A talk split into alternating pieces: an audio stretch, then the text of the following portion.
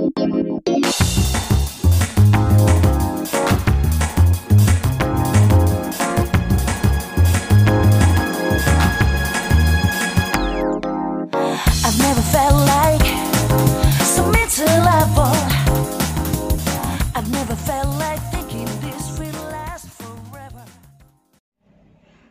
selamat malam teman-teman yang sedang mendengarkan podcast ini. Pada podcast ini aku bakalan sharing mengenai kegiatan perkuliahan masa pandemi ini. Semoga teman-teman suka dan enjoy mendengarkannya. Sebelum itu aku akan memperkenalkan diri aku terlebih dahulu. Perkenalkan nama aku Esti, aku dari jurusan Ilmu Komunikasi. Di sini aku ditemani oleh narasumber kita yaitu Ibu Dian Pertiwi. Ibu ini adalah dosen Fakultas Kedokteran Universitas Andalas. Baiklah, mungkin langsung saja kita sapa narasumber kita hari ini. Selamat malam Bu Dian. Malam juga Esti, apa kabar? Baik Bu. Bu Dian, saya ada beberapa pertanyaan ya Bu terkait perkuliahan di masa pandemi. Eski dengar di Fakultas Kedokteran sudah melaksanakan kuliah luring ya Bu. Di jurusan Eski sampai saat ini masih melaksanakan kuliah secara daring. Bagaimana Fakultas Kedokteran melakukan perkuliahan di masa pandemi ini Bu? Oh ya, eh di awal ya di bulan Maret ya, bulan Maret Iya. tahun 2020 itu kita dianjurkan untuk melakukan kegiatan belajar mengajar secara daring di rumah saja. Jadi tidak dibolehkan untuk datang ke kampus atau ke tempat biasa kita lakukan proses belajar mengajar. Ini eh, usaha pemerintah untuk menanggulangi eh, wabah COVID-19 yang waktu itu baru berkembang di Indonesia. Nah, di Fakultas Kedokteran eh, juga melakukan sama halnya dengan eh, tempat jurusan ST kuliah itu eh, melakukan perkuliahan kegiatan eh, belajar mengajar baik bentuk kuliah dan lain-lainnya itu secara daring. Tetapi eh, di Fakultas Kedokteran ada kekhasan proses eh, yang kita lakukan. Di sini ada namanya kegiatan keterampilan klinik. Ya, di samping praktikum juga.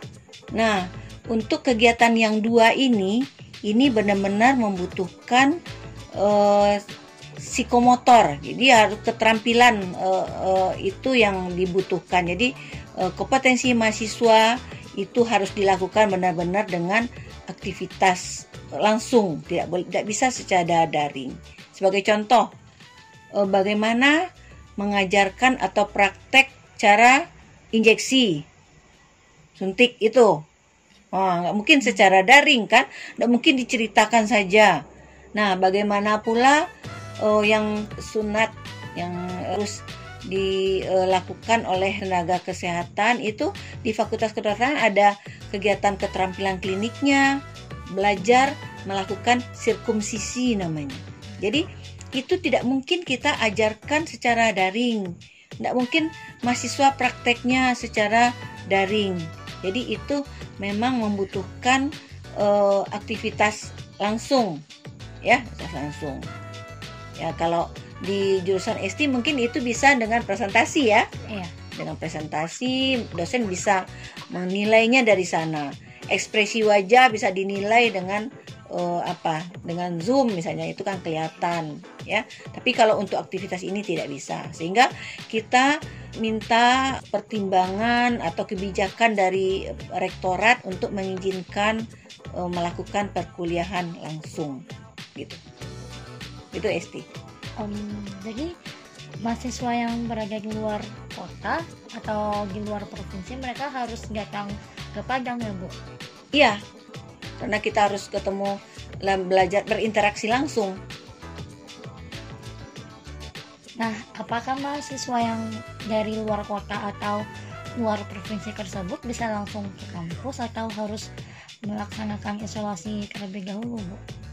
Oh ya, setiap mahasiswa yang akan didatangkan ke kampus, baik itu yang berasal dari kota Padang sendiri, dari luar kota, dan dari tentu saja dari luar provinsi ya, Ya. itu eh, dilakukan sebelumnya eh, tes swab PCR.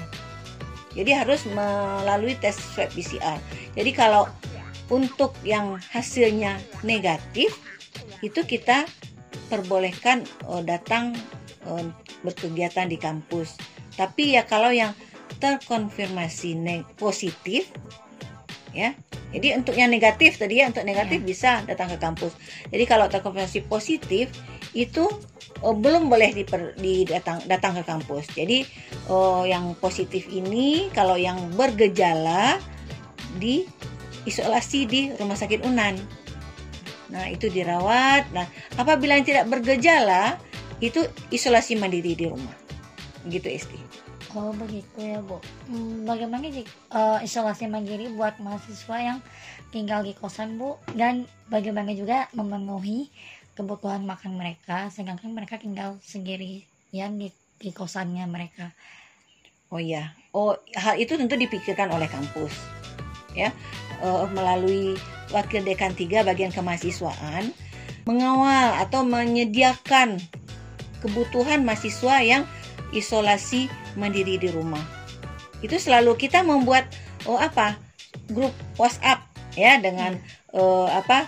dengan pimpinan, dengan mahasiswa dan menggandeng badan eksekutif mahasiswa di sini untuk melakukan pengawalan dan penyediaan kebutuhan-kebutuhan mahasiswa yang isolasi terutama di eh, tempat kos karena mereka ada yang sendiri ya biasanya sendiri itu oh, di kos. Nah mungkin mereka mencari makanan keluar mungkin mencari kebutuhan lainnya misalnya odol habis ya dan segala macam itu itu disiapkan.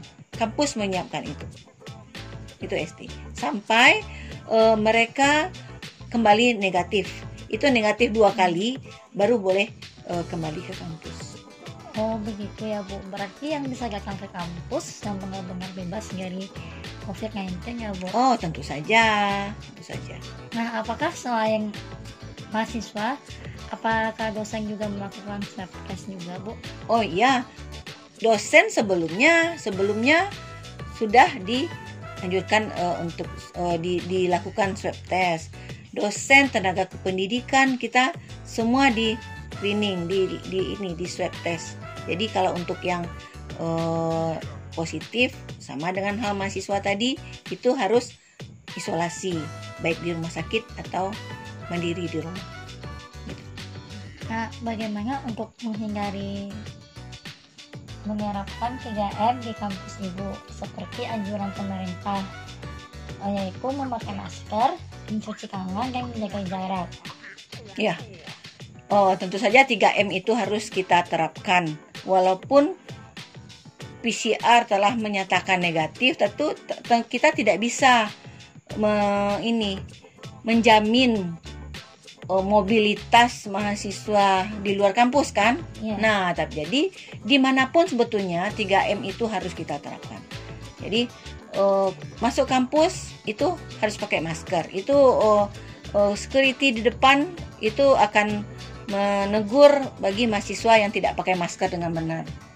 Kemudian mencuci tangan, mencuci tangan di setiap eh, apa masuk ke dekanat di depannya itu ada eh, keran air dan sabun cuci tangan. Di setiap pintu masuk laboratorium juga begitu disiapkan keran air dan sabun cuci tangan dan hand sanitizer eh, di beberapa tempat disediakan. Nah, begitu. Itu untuk cuci tangan. Kemudian untuk jaga jarak. Nah, ini yang eh, pengontrolannya eh, harus dilakukan terus-menerus dan semua pihak harus mengontrol. Eh, agak susah untuk melarang mahasiswa untuk tidak berkelompok-kelompok. Nah, tapi walaupun begitu kita semua eh, ini mengawalnya. Setiap eh, terlihat mahasiswa berkelompok tidak jaga jarak itu baik dosen atau sesama mahasiswa tendik itu memperingatkan supaya jaga jarak. Nah, selalu itu diperingatkan. Siapa pun yang melihat kita saling mengingatkan itu intinya. Ya. Gitu. Jadi eh, memang harus di, di ini dikawal dengan ketat dan eh, apa? Eh, di ruang laboratorium, nah di ruang eh, praktek itu juga dibatasi kapasitasnya. Biasanya sekali eh, kegiatan praktek itu bisa diikuti eh, lima kelompok. Jadi satu kelompok itu ada 10 orang mahasiswa. Jadi bisa 50 orang kapasitas laboratorium itu. Tetapi di masa pandemi ini dibatasi setengah dari kapasitasnya. Bisa hanya dua kelompok, maksimal tiga kelompok untuk eh, sekali eh, kegiatan. nah, supaya tidak terjadi antrian yang lama, eh, alhamdulillah kita punya fasilitas laboratorium di Rumah Sakit Universitas Andalas yang letaknya tidak jauh dari kampus kita kan. Nah, jadi dibagi, berbagi. Eh, jadi misalnya dua kelompok di laboratorium di kampus, tiga kelompok lagi di laboratorium di Rumah Sakit Universitas Andalas gitu. Jadi disiasati, jadi tidak ada terjadi kerumunan. Selalu eh, di di ruang laboratorium diberi eh, batas-batas tegas jarak antara mahasiswa. Ya, begitu cara kita menerapkan 3M di kampus. Hmm, baik, terima kasih Bu. Jadi eh, teman-teman semua di mana pun kalian berada, kita harus menjaga diri kita di lingkungan sekitar kita dengan tetap melaksanakan 3M. Virus itu tidak terlihat, tetapi keberadaannya kita dapat buktikan dengan masih adanya kasus ter- ter- terkonfirmasi positif. Bukan begitu, Bu Lian? Iya, iya.